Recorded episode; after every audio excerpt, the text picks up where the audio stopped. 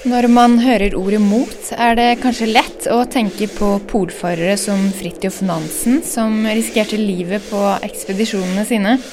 Eller slalåmkjørere som eh, setter utfor bakker i over 100 km i timen. Her i nord så, så, har vi vel så mange eh, verdenskjente, modige folk. Og det er litt interessant å tenke litt på hva det er som driver dem, og hva vi kan lære av dem om mot, og hva forskning og mot kan kanskje lære oss om dem.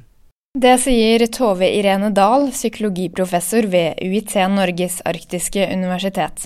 Men ifølge henne finnes det flere andre typer mot. Så jeg skal bruke litt tid til å eh, presentere noen av de forskjellige typene mot som finnes, og både fordelene og ulempene som hører med det å handle på de ulike måtene.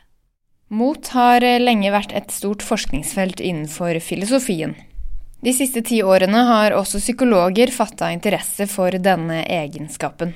Dahl sier at mot er en enorm drivkraft. Mot er det som får folk til å gå utenfor deres komfortsoner og gjøre noe som kanskje ingen andre har gjort før.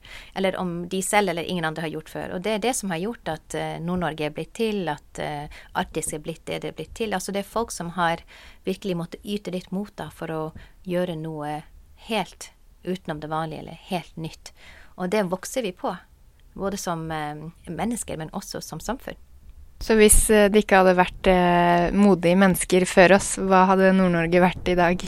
Ja, det er et godt spørsmål. Det er et veldig godt spørsmål. Det kan jeg ikke svare på, men noe å tenke på. Hvorfor bør folk komme og høre på deg til lørdag?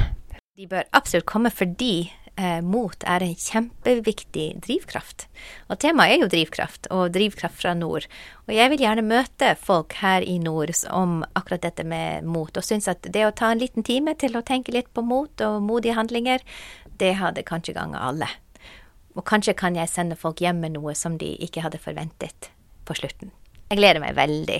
Og jeg gleder meg veldig til å høre spørsmål de kanskje har, eller refleksjoner de har også, så jeg skal ikke bruke hele tida. Jeg skal bruke tid nok til å få folk inn i den psykologiske verden hvor vi snakker om mot, og så ut igjen til hvordan folk selv tenker, og se hva slags herlig blanding det blir til slutt.